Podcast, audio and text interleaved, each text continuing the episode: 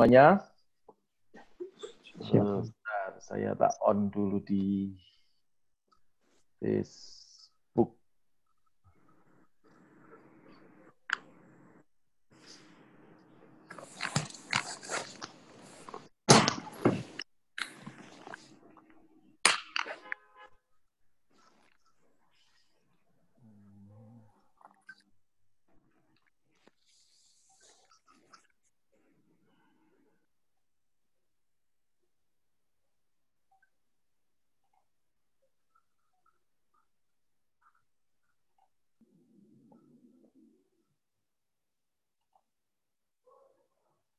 Oke, kawan-kawan Shalom semuanya.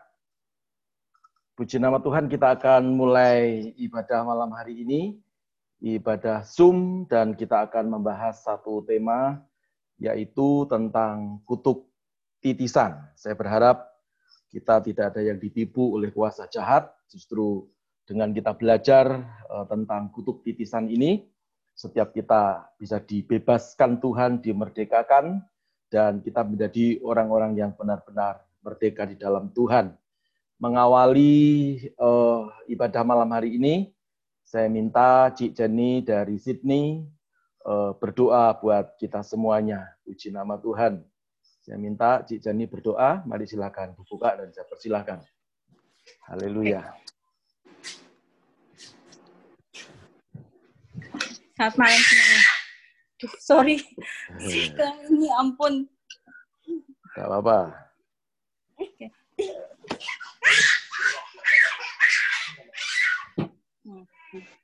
Sorry. Tuhan Yesus, Tuhan, uh, Tuhan Yesus, kami datang semua kembali ke dalam hadiratmu untuk memuji namamu, mendengarkan firman. Tuhan, biar Engkau yang yang memberkati kebaktian ini, biar nama Tuhan dipermuliakan. Juga untuk Bapak Paulus, hamba Tuhan, kami supaya uh, melalui dia nama Tuhan dipermuliakan dan firman Tuhan kami boleh mengerti akan firman-Mu Tuhan dan kebaikan-Mu. Terima kasih Tuhan. Dalam nama Yesus kami berdoa. Amin. Amin. Puji nama Tuhan. Uh, sebelum kita masuk di dalam pembahasan firman Tuhan, kita akan bersama-sama kita akan menyanyikan lagu pujian yang uh, akan dinyanyikan nanti oleh tim musik pujian dari IHK. Kita akan ikuti dan kita akan persiapkan hati kita supaya uh, hati kita sukacita. Kalau hati kita sukacita, saya yakin dan percaya Tuhan pun juga sukacita memberkati kita semuanya. Puji nama Tuhan.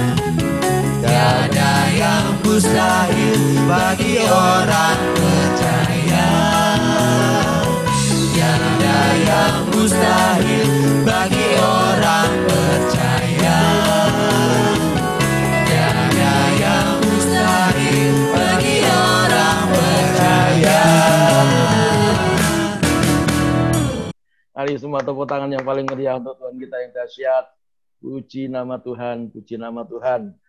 Nah, saudara-saudara, sekali lagi sebelum kita masuk dalam pemberitaan firman Tuhan, saya menyampaikan selamat datang di dalam ibadah Miracle is Free. Ya, saya percaya setiap kita kalau kita ada sampai hari ini bukan karena kuat gagah kita, tetapi kita ada karena Tuhan.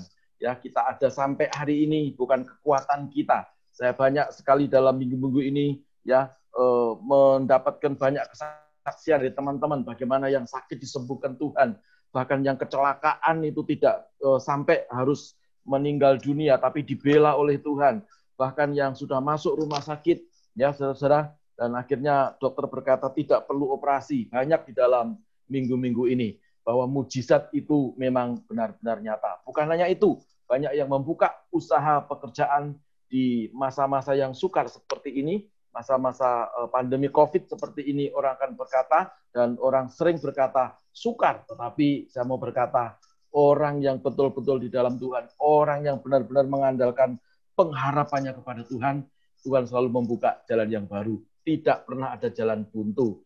Terima kasih ya. Selamat datang dan selanjutnya kita akan masuk dalam pemberitaan firman Tuhan. Saudara-saudara, sekali lagi kita tundukkan kepala, kita berdoa. Tuhan Yesus kami mengucap syukur. Hari ini kami akan belajar akan kebenaran firman-Mu. Kami akan membahas tentang uh, kutuk titisan dan supaya uh, kami mengerti dan kami tidak ditipu oleh kuasa kegelapan. Justru sebaliknya dengan kami belajar, maka kami mengerti dan kami mengerti bahwa uh, kebenaran itu benar-benar memerdekakan kami. Sekali lagi, kami tidak ditipu iblis, tetapi kami bisa mengalahkannya dalam nama Tuhan Yesus Kristus. Terima kasih Bapa, urapi setiap kami dan kami mempercayakan semuanya ini di dalam nama Tuhan Yesus Kristus. Haleluya, sama-sama berkata, Amin, amin, amin, amin, amin. Puji Tuhan, saudara-saudara, sudah kalau tidak salah sudah hampir tiga kali pertemuan kita membahas tentang kutub ya dan saya sudah sering sekali mengatakan bahwa kutub itu bisa diwariskan, ya, bisa diturunkan kepada anak cucu, eh, tetapi Tuhan juga memberikan lawannya daripada kutub, yaitu berkat. Ya, jadi berkat pun juga bisa diwariskan kepada anak cucu berikutnya. Saudara, pesan saya sebagai hamba Tuhan, ya daripada Anda mewariskan kutub kepada anak cucumu, ayo kita rame-rame mewariskan berkat. Yang mau mewariskan berkat kepada anak cucu, katakan sama-sama, berkat anak cucu akan aku wariskan kepada anak cucuku. Haleluya. Saya bukan hanya berkata kepada anak cucu, ya keturunan pertama, kedua, ketiga, keempat, sampai keturunan 12. Tuhan memberkati kita semuanya. Amin. Nah, supaya kita tidak lupa bahwa definisi kutub itu seperti apa, ya saudara kita akan membaca bersama-sama. Jadi kutub itu seperti apa ya? Kutub itu adalah uh, seperti ini. Jadi kutub itu suatu perkataan mantra atau perkataan perkataan laknat ya. Jadi perkataan laknat itu perkataan yang orang dengan kemarahan yang luar biasa ya. Uh, perkataan mantra itu sudah tahu bahwa dia berkatanya dengan mantra ya atau hasil perbuatan perjanjian dengan roh jahat. Jadi kalau ada leluhur kita zaman dahulu kala ada sebuah perjanjian perjanjian dengan kuasa jahat, baik itu eh, eh, perjanjian eh, dengan kuasa jahat supaya dia bisa kaya, supaya usahanya berhasil, atau supaya dia memiliki kesaktian tertentu, supaya dia bisa mengobati ya dengan cara supranatural ya dan seterusnya. Nah, itu akan ada kutuknya. Nah, kutuk ini bisa diwariskan ya kepada anak cucunya ya saudara-saudara ya, kepada keturunan-keturunannya ya. Nah, kutuk itu tidak bisa lintas keluarga, tapi kutuk itu bisa di, hanya bisa diwariskan kepada yang segaris. Nah, akibatnya apa? Akibatnya orang yang terkutuk itu mengalami sial, mengalami celaka, mengalami sakit-sakitan, ya bahkan kemiskinan sampai juga kematian yang tidak wajar. Nah, saudara perlu ingat bahwa eh, kutuk itu diturunkan, kata diturunkan itu diwariskan. Kata diwariskan itu berarti yang mewariskan itu adalah orang tua kita, ya. Kalau anak tidak bisa mengutuk orang tua, perhatikan, ya. Eh, kalau anak, saya ulangi lagi, tidak bisa mengutuk orang tuanya. Tetapi orang tuanya itu bisa mengutuk anak, ya, bisa juga memberkati anak. Nah ini rumus di alam roh itu seperti itu. Nah, dan saudara kalau di bawah ini kita bisa baca bersama-sama kutuk itu hanya terjadi apabila memenuhi unsur-unsur tadi sudah saya katakan apabila orang tua atau yang lebih tua itu memberikan kutuk atau melaknat kepada orang yang masih muda ya walaupun itu mungkin bukan uh, keluarganya, tetapi dengan perkataan celaka maka orang itu akan celaka ya. Lalu diucapkan dalam marah yang sangat luar biasa atau kemarahan yang yang luar biasa ya. Jadi kalau Anda tidak marah tidak bisa ya. Uh, saya mengutuk kamu supaya kamu jadi orang miskin tidak bisa. Jadi harus dengan kemarahan yang meledak-ledak. Diucapkan dalam murka, dalam kebencian ya. Nah, kutuk itu diwariskan kepada anak cucu dalam bentuk kemarin kita sudah membahas bersama-sama. Yang pertama itu tentang uh, okultisme, di dalamnya ada kutuk uh, garis keturunan dan seterusnya ya. Nah, malam ini kita tidak membahas kembali lagi kepada kutuk okultisme, tetapi kita membahas tentang yang lebih spesifik yaitu kutuk titisan ya. Kata titisan sendiri sebetulnya berasal dari kata nitis. Kata nitis itu adalah uh, lebih banyak dimaknai oleh orang-orang Jawa. Nitis itu bukan titis. Kata titis itu juga bisa misalnya Anda uh, apa namanya membidik dengan senapan angin membidik burung begitu, lalu burungnya kena. Orang Jawa bilang titis, bukan itu sebenarnya. Yang dimaksud nitis ini adalah reinkarnasi. Jadi maksudnya adalah begini, ya. Titisan itu adalah masuknya roh seseorang, jadi orang yang rohnya tidak diterima atau belum diterima oleh Tuhan karena waktu hidupnya melakukan sesuatu yang tidak baik di hadapan Tuhan, ya okultisme dan seterusnya. Nah, saudara-saudara, maka eh, roh ini bisa nitis, bisa masuk ke dalam tubuh seseorang, ya. Dan tadi ingat bahwa titisan itu pasti harus eh, dengan satu keluarga, dengan satu keturunan, ya. Kalau perlu dengan apa satu masih ada satu hubungan darah saudara-saudara ya. Nah jadi seperti itu roh manusia masuk ke roh eh, ke manusia. Jadi kalau roh manusia masuk ke dalam tubuh manusia maka tidak ada penolakan. Tetapi kalau manusia dimasuki roh jahat ya ada penolakan namanya gila makanya kalau orang kena kutuk titisan atau kena roh seseorang yang masuk ke dalam tubuh eh, orang itu maka kadang-kadang tidak ketahuan, tapi nanti akan ketahuan pada waktu orang itu akan mengalami sebuah confuse atau konflik, mengalami satu kelemahan-kelemahan spirit, maka yang bukan sewajarnya akan muncul. Ya, seperti itu. Lalu juga bisa titisan itu disebabkan karena benda-benda pusaka yang dulunya eh, cara mengambil pusakanya atau mendapatkan pusaka itu dengan sebuah perjanjian. Ya. Nah, lalu yang membuat perjanjian ini sudah meninggal dunia, ya. Jadi pada waktu meninggal dunia eh, perjanjiannya belum terbayarkan, ya. Maka pusaka yang di dalamnya isinya bukan Tuhan. Kalau Tuhan masuk ke dalam pusaka itu, saya kira tidak ada ya. Dan Tuhan itu tidak masuk di dalam pusaka. Tuhan itu ada dalam kekudusannya. Ya, kalau ada Tuhan masuk ke pusaka, saya kira Tuhan kurang kerjaan, begitu ya. Tidak ada ceritanya seperti itu ya. Nah, pada waktu uh, perjanjiannya ini belum selesai, maka roh yang ada dalam pusaka ini akan mencari penyelesaian, ya, yaitu akan diturunkan, dituntutkan kepada keturunan-keturunan berikutnya. Eh, beberapa waktu yang lalu sudah saya jelaskan, ya dan sudah kita jawab bersama-sama, Pak, apa bisa orang Kristen itu masih kena kutuk? Ya, sudah dijelaskan berkali-kali, masih bisa kalau hidup kekristenanmu adalah Kristen tomat. Masih ingat tomat?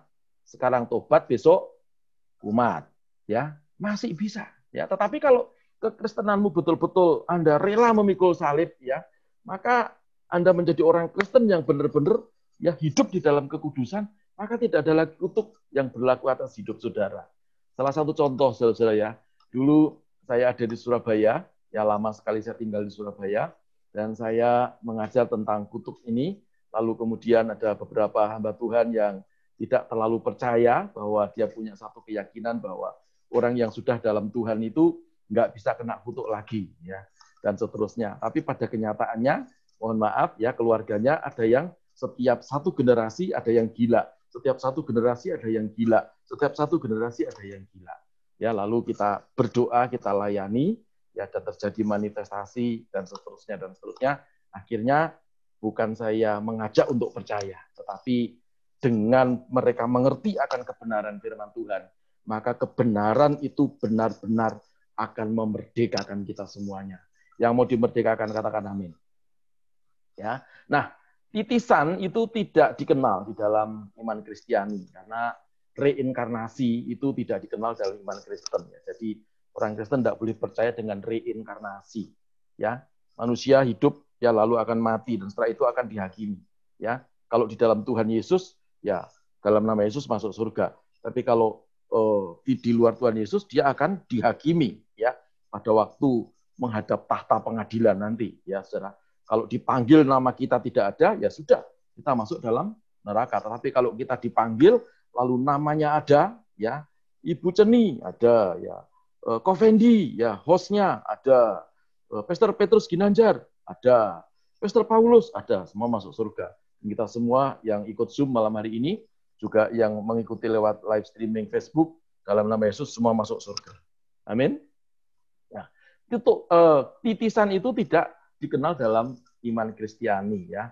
Titisan itu sebetulnya dipengaruhi ya dengan eh, paham-paham terutama uh, filosofi Hindu Buddha ya. Kalau orang Jawa itu ya kejawen juga diilhami dengan pemahaman-pemahaman uh, terutama dari pewayangan ya. Salah satu contoh adalah ada satu tokoh di dalam pewayangan itu namanya Narayana ya atau bahasa Jawanya Noroyono ya. Narayana itu lalu kemudian dia mendapatkan titisan. Nah, ada satu dewa namanya Batara Wisnu menitis masuk di dalam tubuhnya Narayana ini ya, sehingga Narayana ini bergelar menjadi Sri Batara Krishna. Ya gitu ya. Tapi di dalam ajaran Kristen tidak ada. Yang ada adalah ya kisah para rasul 1 ayat yang ke-8. Kamu akan menerima kuasa kalau Roh Kudus turun ke atas kamu. Yang yang saudara percaya dengan Roh Kudus, lambaikan tangan seperti ini, ya. Lalu tepuk dadamu, katakan sama-sama, dalam hidupku ada Roh Kudus. Ya. Jadi Roh Kudus bukan nitis, tetapi Roh Kudus itu menyatu, ya, dalam hidup kita. Kateso menjadi satu, ya, dan memberikan kepada kita ini ya kekuatan, kuasa, ya. Maka itu saudara-saudara jangan percaya dengan yang namanya uh, iman Kristen yang kemudian percaya dengan titisan-titisan. Tidak ada, ya. Nah, titisan itu berbeda dengan kesurupan, ya. Orang yang kena kutuk titisan itu sangat berbeda dengan orang yang kesurupan, ya. Sebab titisan itu manunggal, ya, menyatu di dalam eh, apa jiwanya. Ingat di dalam jiwa ada tiga, ada pikiran, perasaan, dan kehendak. Ya. Tetapi orang yang kesurupan, ya, reject pasti yang tadi saya bilang. Roh manusia cocok dengan manusia, makanya tidak ada penolakan. Orang yang kena titisan ya sukar diidentifikasi, ya. Tetapi untuk eh, masa-masa tertentu ya mudah dikenali. Tetapi orang yang dimasuki roh setan pasti ada penolakan, ya. Ciri khasnya orang yang kemasukan roh setan adalah gila, ya. Karena itu roh setan tidak cocok dengan roh manusia. Yang cocok dengan roh manusia ya adalah rohnya manusia sendiri, ya. Jadi ingat-ingat itu.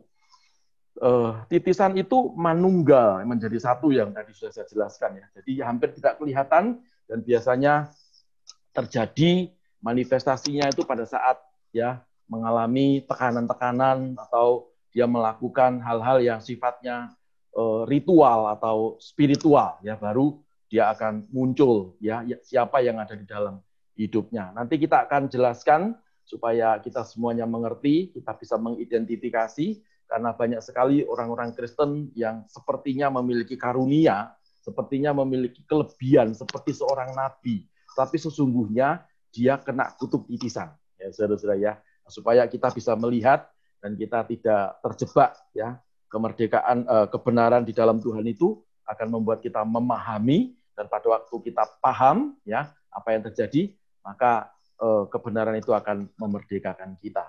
Selanjutnya saudara-saudara, firman Tuhan di dalam Matius pasal yang ke-12 ayat yang ke-43 dan eh, sampai yang ke-45 ya saya akan membacakan apabila roh jahat keluar dari manusia ia pun mengembara ke tempat-tempat tandus mencari perhentian tetapi tidak mendapatnya. Ayat yang ke-44. Lalu ia berkata, aku akan kembali ke rumah yang telah kutinggalkan itu, maka pergilah ia. Ya, mendapati rumah itu kosong, bersih, tersapu, rapi, ya, tertata. Lalu ayat yang ke-45. Lalu ia keluar dan mengajak tujuh roh lain yang lebih jahat daripadanya, dan mereka masuk dan berdiam di situ. Perhatikan.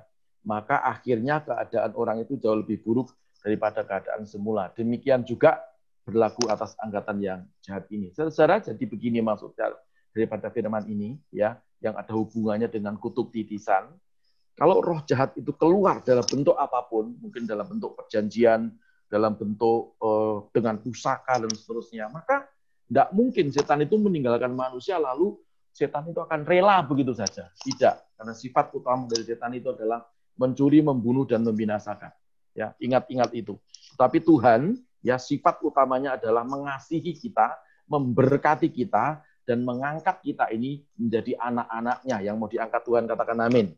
Yang sudah menjadi anak Tuhan katakan yes saya anak Tuhan yang penuh dengan kemuliaan Tuhan. Amin ya. Jadi seperti itu maka kita harus ngerti dasar firman-Nya. Setan itu ada, Tuhan juga ada. Tetapi setan sudah dikalahkan. Kita sebagai anak-anak Tuhan jangan takut dengan perbuatan-perbuatan roh-roh jahat. Sebab apa? roh yang di dalam kita jauh lebih besar daripada roh-roh yang ada di dunia ini. Yang setuju katakan amin. Nah, selanjutnya saya akan jelaskan jadi terjadinya kutub titisan itu bagaimana ya. Saya tidak melihat dari cara pandang yang lain, tetapi saya melihat dari sudut pandang okultisme ya yang eh, kita pahami ya sesuai dengan iman Kristen, saudara-saudara ya. Nah, yang pertama ya saya tulis di sini adalah terjadinya perjanjian yang belum selesai. Tadi saya sudah katakan dalam pembukaan ya antara leluhur ya dari antara orang tua yang sudah meninggalkan kita ya dengan pusakanya atau ilmu mantranya. Saudara, sebetulnya mantra itu adalah bahasa seperti bahasa doa. Ya. Di dalam mantra itu ada sebuah kekuatan, ya. Karena mantra itu dikatakan dengan segenap hati. Nah, dan biasanya mantra itu untuk memanggil, sebuah kekuatan. Ya, kalau mantra itu yang dipanggil pasti adalah kuasa jahat. Tetapi kalau doa dan permohonan pasti kita minta tolong dengan kekuatan Tuhan. Ya, jadi bedanya di situ. Lalu yang kedua, terjadinya kutub titisan dari sudut pandang okultisme adalah eh, roh atau kuasa mantra itu menuntut ya jadi ada tuntutan ya mencari keturunan dari leluhur yang telah meninggal karena perjanjiannya tadi belum selesai. Mungkin ada yang bertanya, Pak perjanjiannya apa? Saya pernah ingat uh, dulu ada family saya di kampung, saudara. Jadi kalau setiap satu tahun sekali dia harus makan ayam, ya ayam dan tumpeng. Kalau sudah tahu tumpengnya orang Jawa itu kan cukup tinggi, ya walaupun tidak satu meter, tetapi kalau satu tumpeng dimakan 10 eh, orang itu saya kira udah habis ya.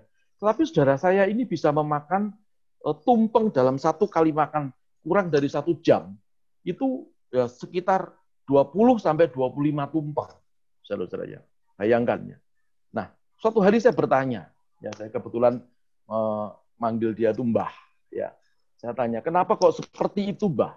Ya, kok bisa cepat makannya kurang dari satu jam, sekitar 25 tumpeng bisa habis, ya. Dan dia berkata, oh iya, aku sedang makani, makan itu memberi makan. Siapa yang diberi makan? Roh yang di dalam, ya. Nah ini kalau belajar seperti ini, lalu kita cocokkan di dalam pelajaran teologi ya nggak masuk. Karena ini adalah pengalaman-pengalaman spirit, ya. Jadi seperti itu. Nah, untuk apa kalau sudah kenyang? Ya, ini mantra kekuatan, saudara-saudara.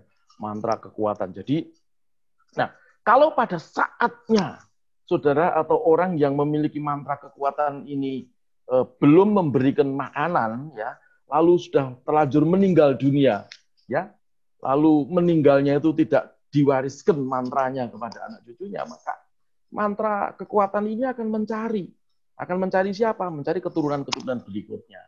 Kalau keturunan berikutnya sudah dalam Tuhan Yesus, ya sungguh-sungguh ya nggak kena. Ya. Orang yang tidak sungguh-sungguh yang kena. Ya. Walaupun dibaptis sekalipun, tapi kalau perbuatannya tomat itu tadi, sekarang sekarang tobat besok kumat, ya tetap kena. Ya. Makanya hati-hati. Ya, saudara-saudara itu sedikit kesaksian. Lalu berikutnya, akibat dari titisan ini, ya seseorang uh, akan melakukan hal yang aneh-aneh, ya dan melakukan hal-hal yang mengherankan atau membuat orang itu terkesima ya. Salah satu contoh misalnya anak kecil bisa ngobati orang besar gitu ya dengan cara-cara yang sederhana, pakai batu gitu ya. Batunya dicelup-celup begitu terus airnya suruh minum gitu ya. Terus orang berkata, "Wah, ini karunia, ini datang dari Tuhan." Belum tentu. Saudara-saudara ya. Ini bisa uh, kutukan ya Tadi saya katakan bisa mengobati orang yang sakit keras dengan cara yang sederhana. Lalu apalagi ya bisa meramal ya. Oh nanti kamu akan begini-begini ya atau bisa mengetahui hal-hal yang sudah terjadi beberapa puluh tahun yang lalu ya masih kecil atau sudah besar. Kamu dulu begini begini begini begini nggak usah cerita, nggak ada yang memberi informasi. Dia bisa membaca kisah masa lalunya seseorang. Belum tentu itu karunia. Bisa jadi itu adalah kutub titisan. Jadi kita harus hati-hati. Kenapa? Karena iblis itu Alkitab berkata, ya, menyerupai malaikat terang. Ya, menyerupai itu ya bukan sesungguhnya, tetapi dia bisa menyerupai seperti gitu ya. Kalau kita tidak menguji berbagai ajaran, maka kita akan menjadi orang yang mudah disesatkan oleh berbagai macam pengajaran-pengajaran di akhir zaman ini. Nah, berikutnya, saudara-saudara ya, eh, kita lihat terjadinya titisan ya dari sudut pandang Kristen yang sebetulnya adalah eh, tadi bisa meramal, ya, lalu bisa melihat aura rumah. Ya, misalnya datang ke rumahnya seseorang, wah rumahmu ini jelek, ya. rumahmu ini eh, ada yang ngerjain, rumahmu ini eh, auranya kurang bagus, ya. Saya akan tolak, saya akan berikan aura yang bagus. Lalu dengan gerakan-gerakan tertentu ya maka eh, dianggap rumah itu sudah bersih. Padahal orang ini tidak pernah belajar mantra. Padahal orang ini tidak pernah eh, sungguh-sungguh ke gereja. Nah saudara-saudara makanya apakah bisa ya orang-orang yang Kristen itu bisa kena kutuk titisan? Saya mau berkata bisa kalau tidak sungguh-sungguh makanya kita harus sungguh-sungguh saya tulis di sini orang ini bisa Kristiani ya sehingga sering kali ya banyak orang yang menjuluki dia mendapatkan karunia roh padahal bukan karunia roh. Nanti kita akan bedakan. Ada karunia roh, lalu juga ada apa? buah roh ya. Karunia roh ada sembilan, ada buah roh juga sembilan ya. Kalau yang dikejar ini hanya hanya karunia, ya saudara bisa tersesat atau disesatkan. Tapi kalau kita berproses, kita mengejar namanya buah roh, maka kita akan mendapatkan karunia roh. Ya. Yang keempat, saya tulis di sini, pada dasarnya orang yang mengalami titisan ini tidak pernah belajar. Tadi saya sudah katakan, ya, tidak pernah belajar tentang sesuatu yang gaib. Kalau dia orang Kristen, ya pasti imannya tidak sungguh-sungguh. Ya, itu Kristen keseretan atau Kristen yang tomat itu tadi. Nah, bisa juga terjadi atau eh, dialami oleh anak-anak ya pada waktu masih kecil sudah bisa lihat ya sesuatu ya sudah bisa uh, memiliki dunia sendiri. Ya, orang mungkin berkata indigo atau uh, indera keenamnya ngebuka gitu ya. Nanti kita akan bahas sedikit tentang itu walaupun ada sedikit bedanya antara indigo dengan titisan, saudara ya. Jadi indigo ini bisa juga kelemahan jiwa, bisa juga uh, uh, apa jendela daripada jiwanya itu bukanya terlalu lebar, ya. Sehingga dia antara dunia uh, nyata dan alam roh itu ya dia bisa merasakan dua dunia ya. Bagaimana cara melayani orang seperti ini ya? Didoakan dalam nama Yesus tutup ya. Pokoknya semua dalam nama Tuhan Yesus ya. Di bawah kolong langit dan di atas bumi ini tidak ada satu nama yang dianugerahkan kepada manusia ya yang olehnya kita selamat yang olehnya kita diberkati yang olehnya kita mendapatkan kekuatan selain nama Yesus tidak ada lagi. Amin. Ya. Jadi apakah harus panggil pendeta? Tidak. Kita semua punya kuasa. Yang penting saudara mau belajar di dalam Tuhan, ya. Tuhan memberikan kuasa kepada kita semuanya. Lalu yang keenam, dari leluhur nitis kepada keturunan yang karakternya atau sifatnya hampir sama. Nah ini uh, ketinggalan tadi yang saya jelaskan di awal. Jadi nitis itu biasanya yang dititisi itu adalah orang yang memiliki karakter yang sama atau anak atau cucu atau cicit yang karakternya sama dengan yang membuat keputusan awalnya atau leluhurnya. Kalau sukanya kopi pahit ya sama dengan anak ini kopi pahit ya. Terus sukanya berjinah misalnya gitu, sukanya kawin cerai, sukanya mabuk, pesta pora, sukanya oh, apa namanya hal-hal yang kejijikan bisa saudara-saudara ya. Maka itu Tuhan itu ya tidak pernah mau nitis atau memilih orang-orang yang hidupnya dalam dosa. Tapi Tuhan menghargai orang yang bertobat. Tetapi setan sangat senang kepada orang yang sifat-sifatnya tidak mau berubah. Ya, sifat-sifatnya tetap hidup di dalam dosa. Itu setan senang banget. Ya, katakan sama-sama itu bukan saya. Amin. Ya. Nah, sekarang, lo kok macet? Tunggu. Sebentar, ini saya ah, enggak, saya kira macet.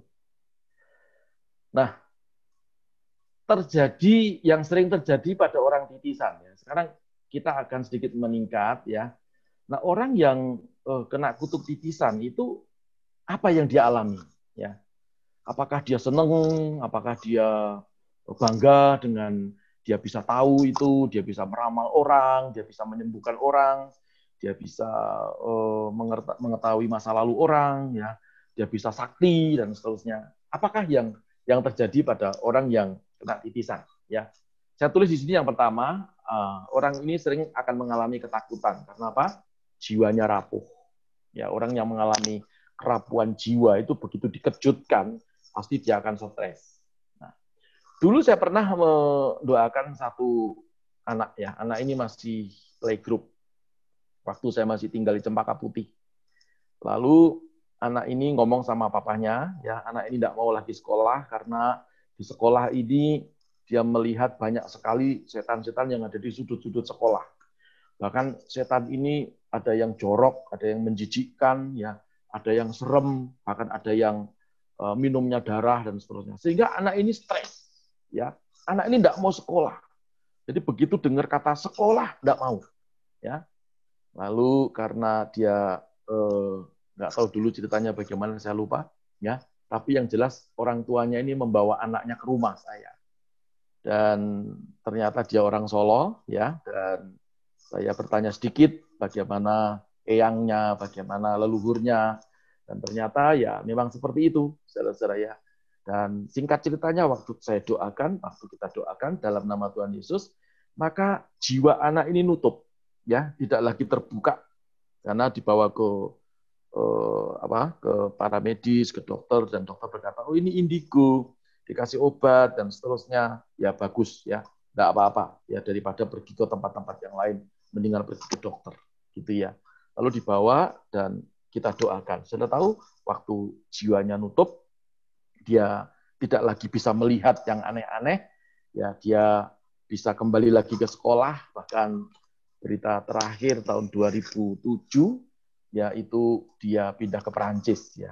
Pindah ke Perancis. Puji Tuhan dan Eh, waktu itu saya masih bisa mengadakan kontak, tetapi lama-lama hilang ya saudara begitu. Nah, saya mau katakan bahwa jangan bangga dengan kalau ada orang atau keluarga Anda yang tiba-tiba pinter, tiba-tiba kok memiliki seperti karunia, ya. Bisa juga itu sebuah titisan. Nanti kita akan identifikasi. Ya, lalu yang terjadi yang kedua, biasanya orang itu bisa arogan ya, sombong, sok gitu ya. Kalau jiwanya nggak rapuh ya, maka orang ini akan menjadi orang yang sok yang orang yang sok hebat gitu ya. Tapi hatinya sebetulnya itu nggak ada damai sejahtera. Orang yang kena kutuk titisan itu nggak ada damai sejahtera, saudara. Karena datangnya bukan dari Tuhan, datangnya dari kuasa kegelapan. Ya, lalu bila dia seorang Kristen, ya, maka dia akan menjadi nabi, ya, seperti nabi, bukan menjadi nabi, ya, acting seperti nabi. Karena banyak orang yang menjulukinya demikian, bisa ini, bisa itu ya. Pendeta belum khotbah gitu sudah tahu oh, ayatnya nanti ini ya. Nanti poin-poinnya ini. Ha, begitu ya.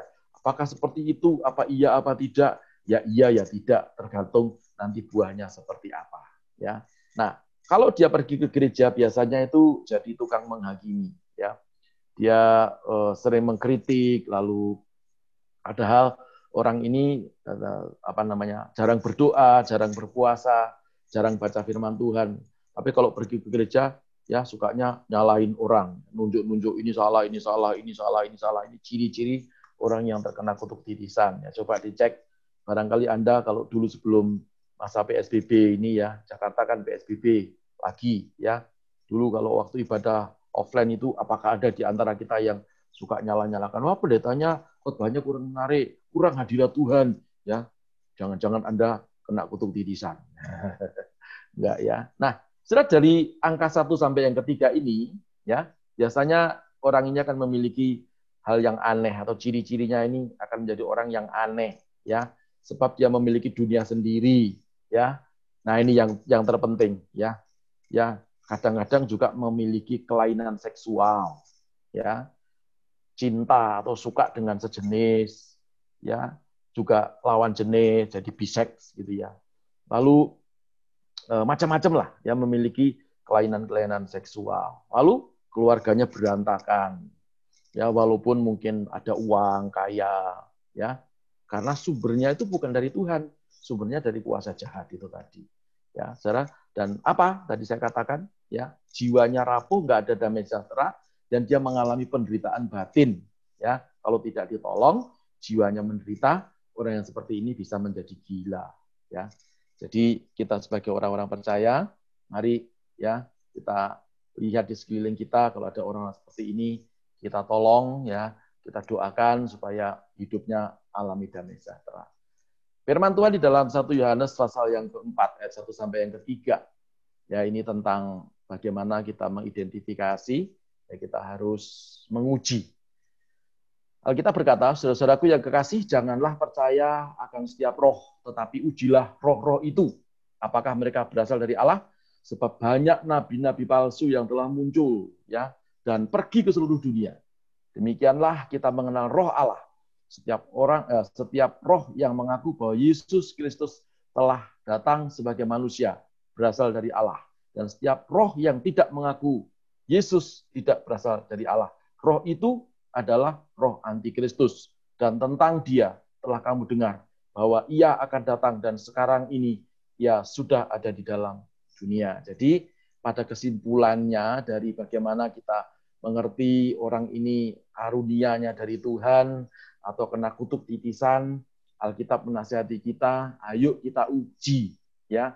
Uji apa yang diuji? Ya, pengajarannya, buah-buahnya terutama. Ya, kalau buah-buah kehidupannya baik, ya mungkin salah satu eh, penilaian bahwa itu berasal dari Tuhan. Lalu bagaimana lagi? Ya, apakah setiap yang dia lakukan itu bertentangan dengan firman Tuhan atau tidak? Ya, salah satu contoh misalnya mendoakan orang pakai bara api, gitu ya. Kan kita tidak dikenal di Alkitab. Ya, setan itu harus dibakar. Pernah suatu hari ada seorang uh, jemaat datang ke rumah dan Eh, tubuhnya itu memar-memar, tubuhnya itu penuh dengan bilur-bilur. Dan saya tanya, kenapa? Ya, katanya didoakan. Loh, kok didoakan bisa bilur-bilur seperti itu? Oh iya Pak, cara ngusir setannya itu dipukul dengan rotan. Waduh, ya. Nah, saya percaya itu bukan dari Tuhan. Tuhan Yesus tidak pernah ngajari seperti itu. Amin. Jadi kalau dari buahnya saja sudah bertentangan dengan Alkitab, itu bukan berasal dari Tuhan. Ya. Lalu berikutnya, kalau yang dibicarakan itu selalu kekayaan, selalu harta benda, berkat, berkat, berkat, berkat ya. Dia lupa mengajarkan tentang hidup kudus. Dia lupa mengajarkan tentang bagaimana mikul salib. Dia lupa mengajarkan bagaimana tentang menyalibkan kedagingan. Ya, barangkali orang itu walaupun memiliki kelebihan, barangkali kena kutuk titisan. Barangkali, ya. Tapi itu adalah identifikasi atau cara menilai. Ya, lalu kemudian apakah dia mengajarkan kasih? Ya kasih Kristus. Ya kasih Kristus itu kasih tanpa pamrih. Kalau kasih manusia itu kasih eros. Ya. Saudara, apakah dia mengajarkan kasih Tuhan yang tanpa pamrih? Atau bagaimana dalam perbuatan sehari-hari? Wow, itu salah. Suka menghakimi orang. Itu sudah pasti. Walaupun dia berkarunia. ya Kita harus awas dan waspada. ya Hati-hati. Jangan sampai kita disesatkan oleh berbagai macam pengajaran. Dan yang terakhir, lihat keluarganya. Ya, kalau keluarganya damai sejahtera, rukun, baik-baik, ya, anak hormat sama orang tua, sama-sama saling menyayangi, istrinya cuma satu, suaminya cuma satu, itu pasti dari Tuhan. Ya, walaupun berkarunia, saudara-saudara, kalau keluarganya berantakan, tidak karu-karuan, ya, istrinya dua, tiga, empat, itu bukan berasal dari Tuhan. Ya, ini menurut iman Kristen, bukan menurut iman dari yang lain. Begitu, saudara-saudara. Nah, berikutnya kita akan eh, mengadakan perbandingan ini sekarang. Ya, gimana caranya supaya kita ini mengerti ya apakah benar-benar eh, karunia atau kelebihan itu berasal dari Tuhan atau berasal dari kuasa kegelapan. Nah, mari kita sama-sama akan melihat di dalam satu Korintus pasal yang ke-12 ayat yang ke-8 sampai yang ke-9 itu 19 kebanyakan. Ya, lalu Galatia 5 ayat yang ke-22 sampai yang ke-23. 1 Korintus 12 itu isinya tentang karunia-karunia roh. Ya. Nah, Galatia pasal 5 ayat 22 23 itu bicara tentang apa? Bicara tentang buah roh. Perhatikan, Saudara. Saya akan mengajak Saudara untuk membaca dulu yang di eh, karunia, ya ada sembilan. Bisa menyembuhkan, memiliki karunia iman, bisa membedakan roh, ya, memiliki karunia hikmat, ya, bisa mengadakan mujizat, ya berpengetahuan yang baik, bisa bernubuat, bisa menafsirkan bahasa roh, bisa berbahasa roh. Saya mau tanya, kira-kira ini hebat enggak kalau itu ada di gereja Anda gitu. Ya. Atau gembalamu itu seperti itu gitu ya. Wah, pasti luar biasa, ya. Tetapi mari kita lihat, ya. Di dalam Galatia pasal yang kelima ayat yang ke-22 sampai 23 ini adalah eh, buah roh. Nah, sering kali orang hanya apa? sering kali orang hanya melihat uh, karunianya, tetapi lupa melihat buahnya.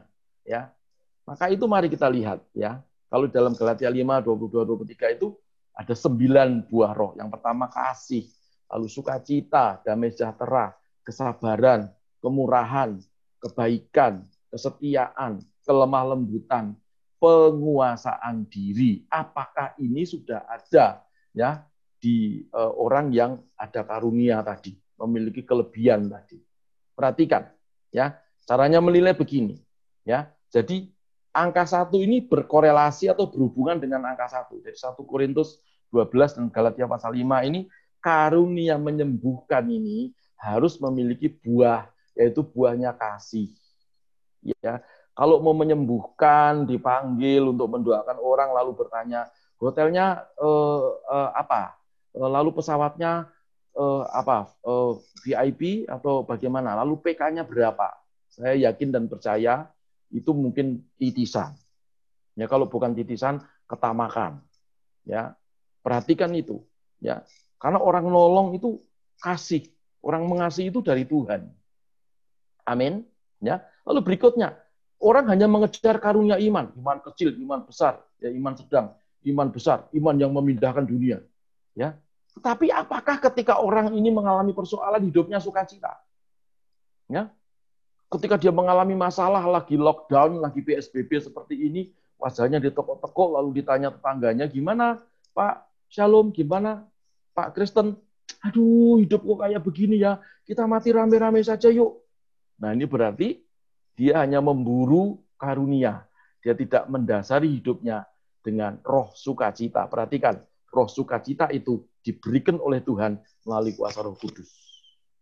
Amin. Ya. Sekali lagi saya ingatkan, Roh Kudus bukan mensurupi kita, menyurupi kita atau menitis kepada kita, tetapi dia manunggal, ya. Karena luar biasa, ya iman Kristen itu manunggaling kaulo Gusti. Kita di dalam Tuhan, Tuhan ada di dalam kita. Jadi apa pun yang terjadi kita tetap tetap sukacita. Setuju katakan amin. Ya. Lalu membedakan roh, bisa membedakan oh ini roh ini, ini, ini, ini, ini, ini. Ya. Pinter sekali bisa membedakan roh. Tapi apakah hidupnya damai sejahtera? Ya. Kalau hidupnya nggak ada damai sejahtera, tapi dia bisa membeda-bedakan roh. Barangkali ini salah satu penilaian orang itu tidak benar-benar ya di dalam Tuhan atau ada kutuk titisan dan harus didoakan dalam nama Yesus. Hikmat, ya, memiliki karunia hikmat. Apakah dia punya kesabaran? Karena orang yang berhikmat itu pasti sabar, ya, bukan buru-buru, bukan gerasa gerusu, bukan pengen cepat selesai, ya, marah-marah tiap hari, ya, bukan seperti itu. Orang yang memiliki hikmat itu pasti akan tenang, akan sabar, walaupun sifatnya dulunya sebelum bertobat itu galak, tetapi lama-lama kemudian dia akan eh, menyalipkan kedagingannya. Perhatikan yang kelima, ya ini yang sering sekali terjadi, mujizat yang diburu, sakit sembuh, miskin diberkati, bisnis langsung rame, ya mati hidup lagi. Hebat kan? Tapi lihat, apakah hatinya penuh dengan kemurahan? Ya, apakah dia hitung-hitungan dengan sesamanya, hitung-hitungan dengan Tuhan? Ya, kalau dia bisa melakukan mujizat tapi sifatnya hitung-hitungan, uang terus, ya, harta terus, yaitu bukan ajarannya Tuhan. Ya, lalu buah yang keenam tentang pengetahuan. Ya, pengetahuan. Pengetahuan itu ada IQ, ada SQ, ada EQ. Ya, saya ulangi, pengetahuannya ada IQ, SQ, dan EQ, spiritual, ya, intelijen, intelijensia, dan eh, apa namanya eh, emosional. Ya, perhatikan, kalau orang yang memiliki tiga-tiganya ini pasti baik hidupnya ini. Ya, memiliki roh kebaikan. Ya, kebaikan itu karakter, saudara. Ya, baik dia apa-apakan itu senyum ya nggak apa-apa nggak apa-apa kan nanti Tuhan yang membela itu pasti orang ini memiliki apa buah roh ya dasarnya baik ya lalu kemudian nomor tujuh nubuat pinter bernubuat nanti akan terjadi seperti ini tapi tidak setia pindah-pindah gereja sukanya gerejanya kurang rame pindah cari yang agak sedikit rame keramenen cari yang kecil lagi Ya, gembalanya kurang ganteng, cari yang ganteng. Itu loh gembala yang di uh, media sosial itu loh. Waduh, satu kali tayang itu langsung yang nonton itu viewernya itu ribuan. Hebat. Pertanyaan saya, kalau ada masuk ICU, apakah pendeta yang kamu bangga-banggakan di media sosial itu mendatangi kamu? Ya, itu pertanyaan. Jadi kita harus setia. Ya, kalau kita setia, maka Tuhan pun juga setia. Amin nubuat hebat di mana-mana, tapi nggak setia. Nubuat hebat dengan pasangan hidup juga nggak setia. Nubuat hebat ya dengan eh, tugas-tugas di gereja juga nggak setia. Yaitu bukan nubuat namanya, lu buat-buat. Ya, lalu berikutnya menafsirkan bahasa roh, pinter menafsirkan bahasa roh. Ya, tapi hidupnya nggak lemah lembut, tapi lemah gemulai, melambai. Oh, enggak enggak gitu maksud saya. Jadi menafsirkan bahasa roh, ya, lalu dia tidak punya, tidak memiliki kelemah lembutan, pongah, sombong, wah gitu ya. Berarti itu bukan dari Tuhan, saudara-saudara ya. Karena dari Tuhan itu ya pasti baik. Pak, tapi kalau masih dalam proses belajar kelemah lembutan, tidak apa-apa. Itu proses. Semua hidup di dunia ini ya mengalami sebuah proses. Lalu yang terakhir untuk membandingkan ya bahasa roh. Kalau orang karismatik, oh ramah secara lama, secara lama. Kalau di gereja secara lama, secara lama. Kalau di rumah, tukang marah-marah, bantingi piring, ya, melempar gelas suaminya, ya, melempar sendok istrinya, penguasaan diri tidak ada, suka berkata jorok, ya itu bukan bahasa roh, ya, saudara. Makanya orang-orang karismatik itu sering kadang-kadang ya ditegur oleh sahabat-sahabat kita dari yang tidak karismatik, begitu ya. Nah makanya saudara harus mengerti ini, bahasa roh itu baik, ya kita harus minta. Tapi saudara harus minta penguasaan diri, ya jangan sakar PDW, ya mana-mana jadi bahan pergunjingan, ke mana-mana galaknya luar biasa. Saya juga galak, ya, tapi menggalai orang yang tidak taat, ya. Tapi kalau orang yang taat saya galai, berarti obat saya sedang habis, itu, ya, saudara-saudara. Jadi seperti itu kira-kira sebagai gambaran supaya saudara mengerti ya bagaimana kita bisa membedakan apakah kelebihan-kelebihan yang saudara-saudara kita miliki itu berasal dari Tuhan atau itu berasal dari kuasa-kuasa kegelapan.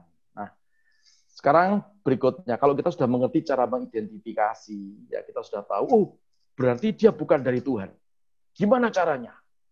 Ya, tentunya kita memberitahu pelan-pelan, jangan berkata, "Oh, kamu bukan dari Tuhan." ya ya pasti nanti akan terjadi pertengkaran. Orang yang berhikmat memiliki hikmat tadi, ya itu pasti lemah lembut, ya pasti bicaranya baik, diajak makan dulu, kalau perlu pulang kasih sangu gitu ya, ambil hatinya, ya lalu diberitahu. Kayaknya kok kamu itu begini, ya tak doakan, ya.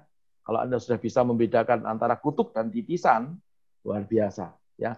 Yang terkena kutuk titisan itu sudah bisa doakan. Ya. Lain loh dengan orang yang suka ngeroh. Orang yang suka ngeroh itu hanya orang yang mengada-ada gitu ya. Dulu ada orang yang datang kepada saya, eh saya datang ke dia. Lalu dia berkata begini, eh kiri-kiri Pak, Bapak harus miring ke kiri. Loh, kenapa Bu? Iya di kanan Bapak ada dinosaurus. Dinosaurus masuk gereja itu atau gerejanya apa? Enggak hancur-hancuran. Iya kan? Loh Pak, hati-hati Pak. Di belakang Anda Pak, ada apa? Ada hantu pocong. Lu masuknya dari mana? Ini orang yang suka ngeroh, ya. Ini mungkin sakit, ya. Sudah harus layani seperti itu. Nah, bila dia mau didoakan orang yang mengalami kutuk tipisan ini, ya maka harus doakan, ya. Didoakan pemutusan, pemutusan kutuk. Caranya seperti apa? Seperti dua minggu yang lalu. Jadi nggak perlu memanggil hamba Tuhan spesialis pelepasan. Apalagi ini musim corona. Ya, Alkitab berkata kamu punya kuasa. Amin. Ya, kita semua punya kuasa. Roh Kudus dalam hidup kita memberikan kita kuasa. Apa yang terikat di bumi terikat di surga.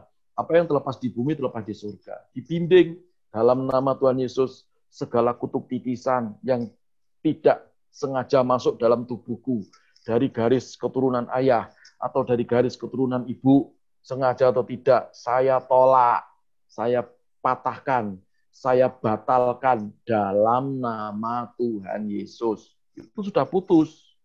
Ya. Lalu setelah putus, ya Anda sebagai orang yang mendoakan harus mendewasakan ya, masuk dalam pemuritan ya. Kalau di gereja saudara ada komsel, ada family altar, ya, ada eh, apa itu eh, sekolah Alkitab dan seterusnya. Saudara masukkan ke situ dibimbing, ya supaya dia menjadi dewasa di dalam Tuhan. Lalu apa? Kasih ayat-ayat firman Tuhan tentang ayat peperangan. Ya. Kenapa? Karena orang-orang yang seperti ini nih jiwanya itu sudah terlanjur ngebuka. Kalau Anda tidak isi firman, begitu diganggu lagi, dia bingung. Tapi kalau ada firman, firman itu yang akan melawan gangguan itu. Alkitab berkata, pada mulanya adalah Allah, ya, atau pada mulanya adalah firman. Firman itu bersama-sama dengan Allah.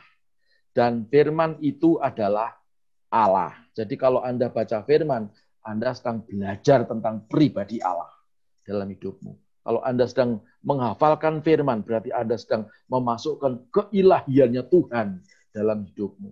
Nah, kalau ada unsur ilahi dalam hidupmu, nah, sudah bisa membayangkan gangguan roh jahat, sudah bisa tengking dalam nama Yesus. Setannya pergi nggak ada lagi kutuk titisan.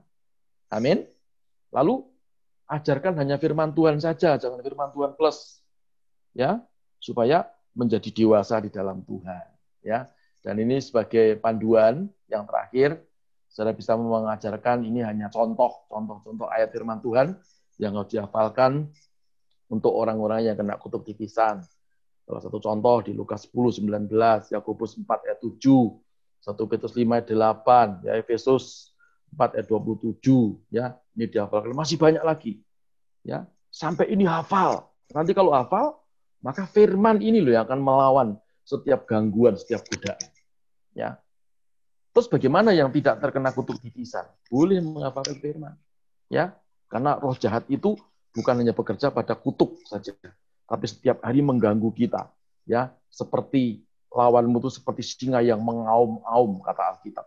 Ya, yang siap mencari mangsa untuk apa? ditelan jadi tanpa dikunyah. Ditelan bulat-bulat begitu ya. Tapi kalau kita ada firman, waktu kuasa jahat datang, waktu persoalan datang, kita tolak tengking dalam nama Tuhan Yesus Kristus. Ya, saudara-saudara. Jadi kira-kira seperti itu yang bisa saya sampaikan malam hari ini tentang kutuk titisan dan identifikasi dan bagaimana caranya saudara lepas dari kutuk titisan. Ya, uh, saya mau menyelesaikan ini dan saya tidak akan terlalu banyak bertanya jawab kepada saudara-saudara Justru mungkin ada di antara saudara yang mungkin mengalami hal-hal seperti itu, saudara-saudara, Anda bisa berdoa. Ya, kalau Anda dari gereja yang lain, doa dalam nama Yesus. Ya, ngomong sama pendeta saudara. Kalau saudara dari IHK atau dari GBI Poris, ada Pak Petrus Ginanjar, saya minta didoakan Pak Petrus Ginanjar. Para gembala-gembala, para pastor-pastor, pasti sudah dahsyat luar biasa. Dari Palangkaraya ada Pak Martin Pinatik, ya ya anak rohani saya sudah saya ajarkan gimana caranya mendoakan orang-orang yang seperti ini. Ya luar biasa. Jadi nggak ada yang perlu ditakutkan. Ya yang penting kita ada dalam kebenaran firman Tuhan. Ya kalau kita di luar kebenaran firman Tuhan kita jadi apa diinjak-injak iblis. Tapi kalau kita di dalam kebenaran firman Tuhan seperti terang mana bisa terang itu dikalahkan oleh kegelapan? Tapi kalau Anda meninggalkan terang, lalu masuk di dalam kegelapan, hancurlah sudah Anda di sana. Ya, Makanya saudara harus bersyukur kita memiliki Tuhan yang sudah menebus dosa pelanggaran kita, sudah menebus segala kutuk, ya. Bahkan ada hamba Tuhan yang berkata, setiap kutuk diubah Tuhan jadi berkat. Kok bisa Pak? Ya tanya oh Tuhan, itu kekuasaannya Tuhan. Kutuk bisa diubah jadi berkat. Wong ratapan tangisan saja diubah Tuhan jadi sukacita. Amin. Miskin diubah Tuhan jadi kaya seperti tadi. Berkat anak cucu lagu yang kita sudah nyanyikan sama-sama tadi.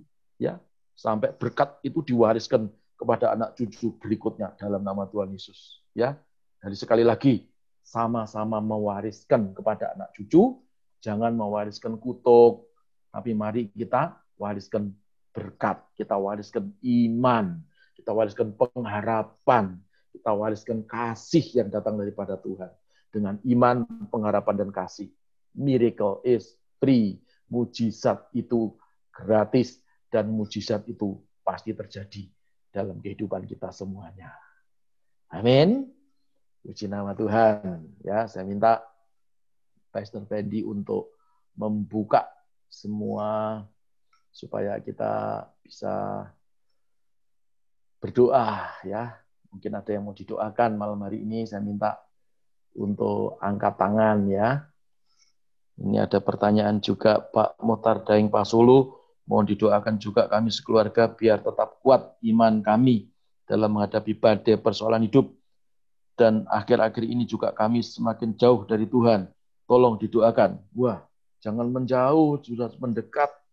Jangan seperti lagu, aku jauh, engkau jauh, aku dekat engkau dekat, nggak bisa. Tuhan itu nggak bisa begitu. Ya. Sebetulnya walaupun kita jauh, Tuhan itu masih dekat sama kita. Karena kita ini anak-anak Tuhan. Amin. Dengan perasaan kita saja. Ya, jangan meninggalkan terang itu. Ya, lalu anda pergi kepada kegelapan, tapi tetap di dalam terang Kristus. Saya mau berdoa ya untuk Pak Mohtar Daeng Pasolo dalam nama Yesus, Pak Mohtar Daeng Pasolo supaya tetap kuat di dalam iman menghadapi badai persoalan hidup dan badai ini pasti berlalu, badai ini pasti dienyahkan Tuhan dan menjadi teduh. Dan oleh keputusan hatinya maka dia tidak meninggalkan Tuhan. Semakin erat semakin dekat dengan Tuhan. Dalam nama Yesus. Amin. Ya. Saya mau lihat lagi apakah ada yang oh ini ada. Uh, siapa lagi Ko Fendi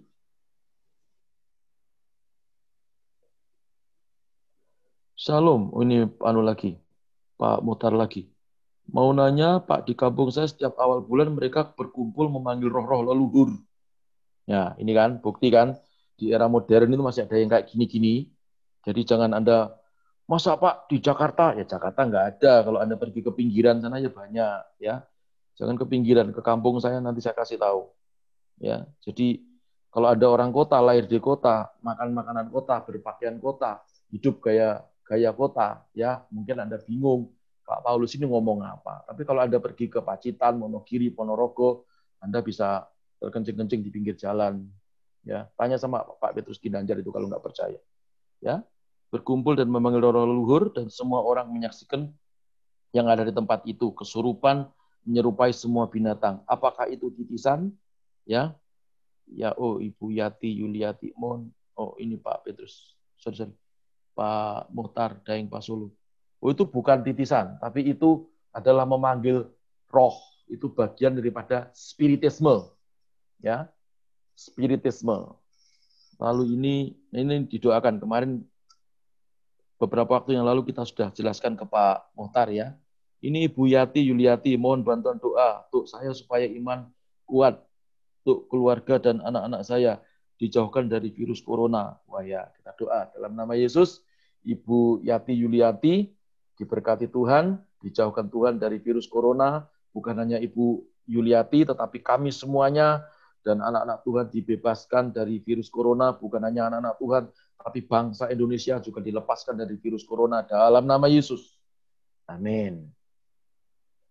Ya, itu aja yang masuk di uh, chat inbox. Lalu mungkin ada di antara saudara yang uh, akan didoakan malam hari ini silakan untuk kita bisa bersama-sama berdoa ya karena doa orang benar bila yakin didoakan sangat besar kuasanya.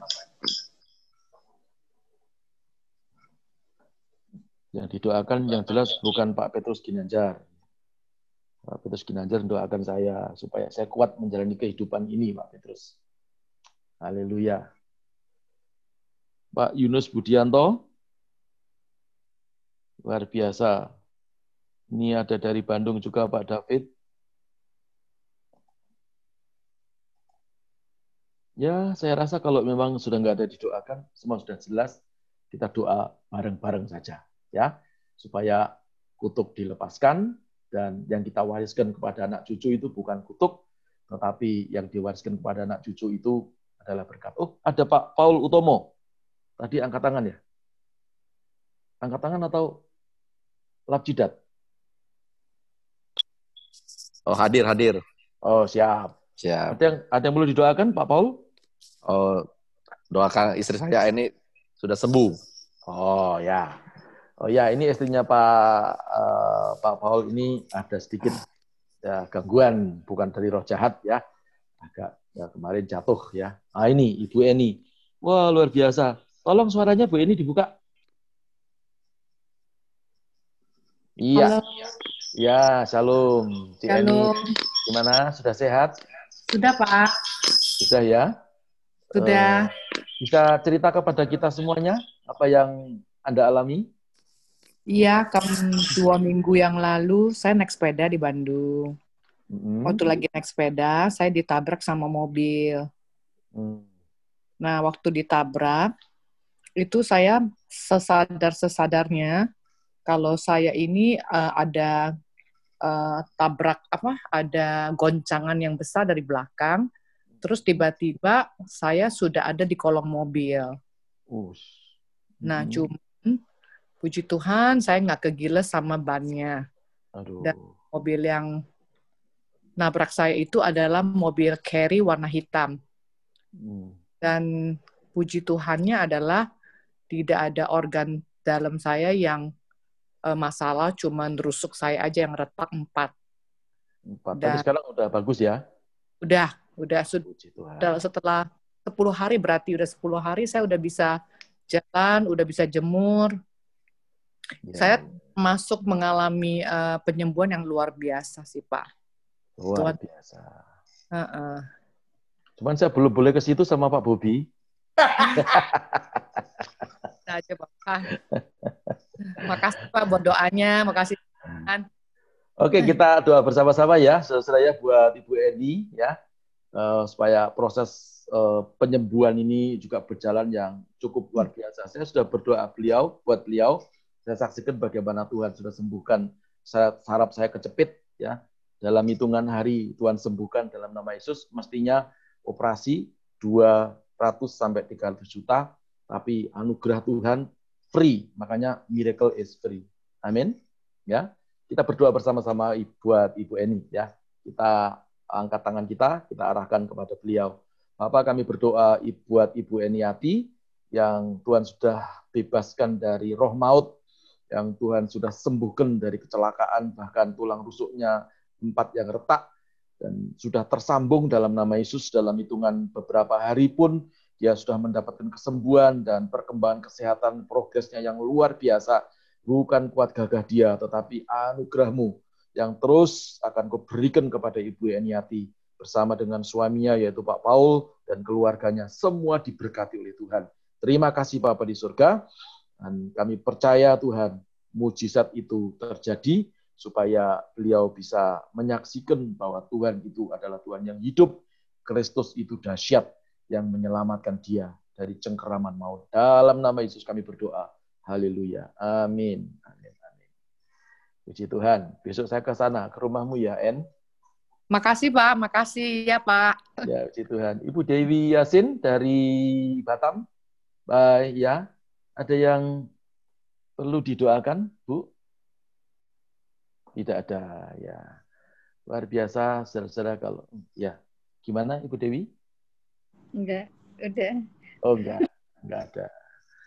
Oke, kalau enggak ada Pak Eka?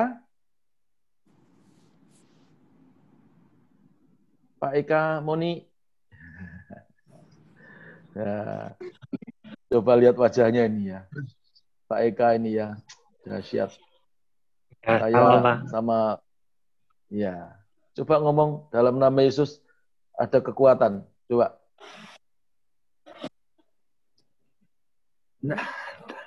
Dalam nama Yesus ada kekuatan. Amin. Tepuk tangan buat Pak Eka. Dulu tidak bisa seperti itu, ya. Dulu tidak bisa seperti itu, tapi Tuhan menyembuhkan dengan dahsyat. Kalau ini mah bukan 90 persen, 90 persen, ini 100 persen sudah disembuhkan Tuhan, ya. Nanti kalau coronanya sudah pergi dari Jakarta, pulang ke Jakarta ya, melayani sama-sama di gereja. Ya, Amin. Puji Tuhan. Haleluya. Nah, Amin. saudara, karena waktu terus berjalan, kita akan berdoa bersama-sama. Saya minta semuanya eh, taruh tangan kirimu di dada dan angkat tangan ke atas. Dan semua tirukan doa saya. Haleluya, haleluya. Puji nama Tuhan. Saya minta juga semua gambar-gambar apa eh, dibuka semua ya. Jangan ada yang ditutup-tutupi ya. Semuanya dibuka supaya saya bisa melihat wajah-wajahnya dan bisa menatap wajah saudara sambil berdoa satu, satu, satu, satu, dan anugerah Tuhan pasti melimpah atas kehidupanmu. Saya mau berdoa, dan mari tirukan doa saya. Tuhan Yesus, terima kasih hari ini Tuhan Yesus sudah memberikan kebenaran firman-Mu. Dan kebenaran firman-Mu itu memerdekakan kami. Kami mau hidup dalam kebenaran firman-Mu. Karena firman-Mu itu adalah terang bagi kaki kami. Dan supaya kaki kami tidak terantuk kepada batu, dan kami bisa melangkah berjalan ke depan untuk menerima semua janji Tuhan. Terima kasih Tuhan. Berkat-Mu limpah atas kami, dan kami mau menurunkan kepada anak cucu kami, keturunan-keturunan kami, bukan kutuk, tetapi berkat. Terima kasih Bapa di surga. Terima kasih Roh Kudus. Saudara-saudara tetap berdoa, tidak usah ditirukan, saya akan berdoa buat saudara-saudara semuanya. tetap angkat tangan. Tuhan Yesus, yang kau melihat tangan-tangan yang terangkat, mungkin ada yang uh, tidak berani jujur, mungkin ada yang menyimpan dalam hatinya kalau ada sesuatu, tapi hari ini hambamu berdoa dalam nama Tuhan Yesus, siapa pun mereka yang mengikuti program Miracle is Free ini, dijauhkan Tuhan daripada kutuk.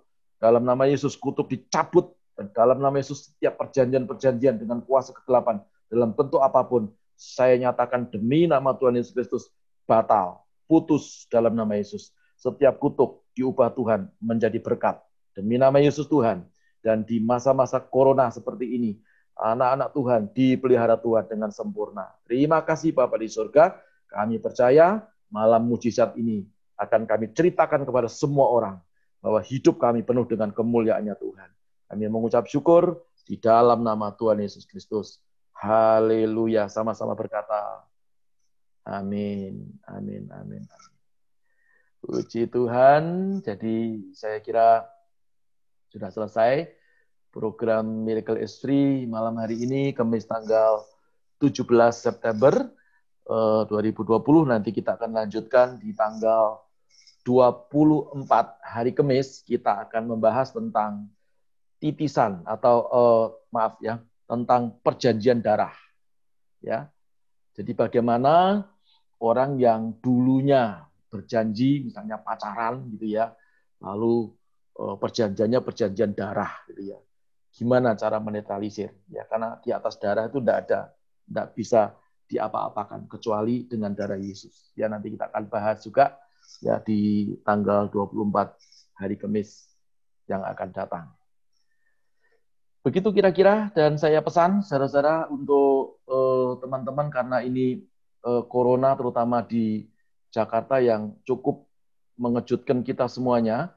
Jadi saya berharap supaya uh, kita berhati-hati, tetap mengikuti mengikuti protokol kesehatan, jangan gegabah. Kalau keluar rumah pakai masker, maskernya jangan masker yang tipis ya, masker yang tebal. Kalau belum ada, kasih tisu dulu gitu ya. Kalau Anda punya sedikit uang, tadi saya beli masker itu di online cuma 37.000, dapat 50, yaitu masker medis. Murah banget sekarang. Dulu pernah beli satu kotak itu 250.000, sekarang cuma 37.000. Luar biasa, ya. Jadi hidup sehat, hati sukacita, baca firman Tuhan, ya lalu suka nyanyi seperti Ko Henry itu suka nyanyi ya dia punya anak kecil juga maunya nyanyi terus Ya, saya percaya nanti suatu hari jadi WL, jadi hamba Tuhan gantiin saya di IHK. Gitu ya. Puji Tuhan, saudara semuanya. Terima kasih buat Esther Fendi yang telah menjadi host juga malam hari ini. Ya, terima kasih buat kita semuanya. Dan mari malam hari ini kita istirahat.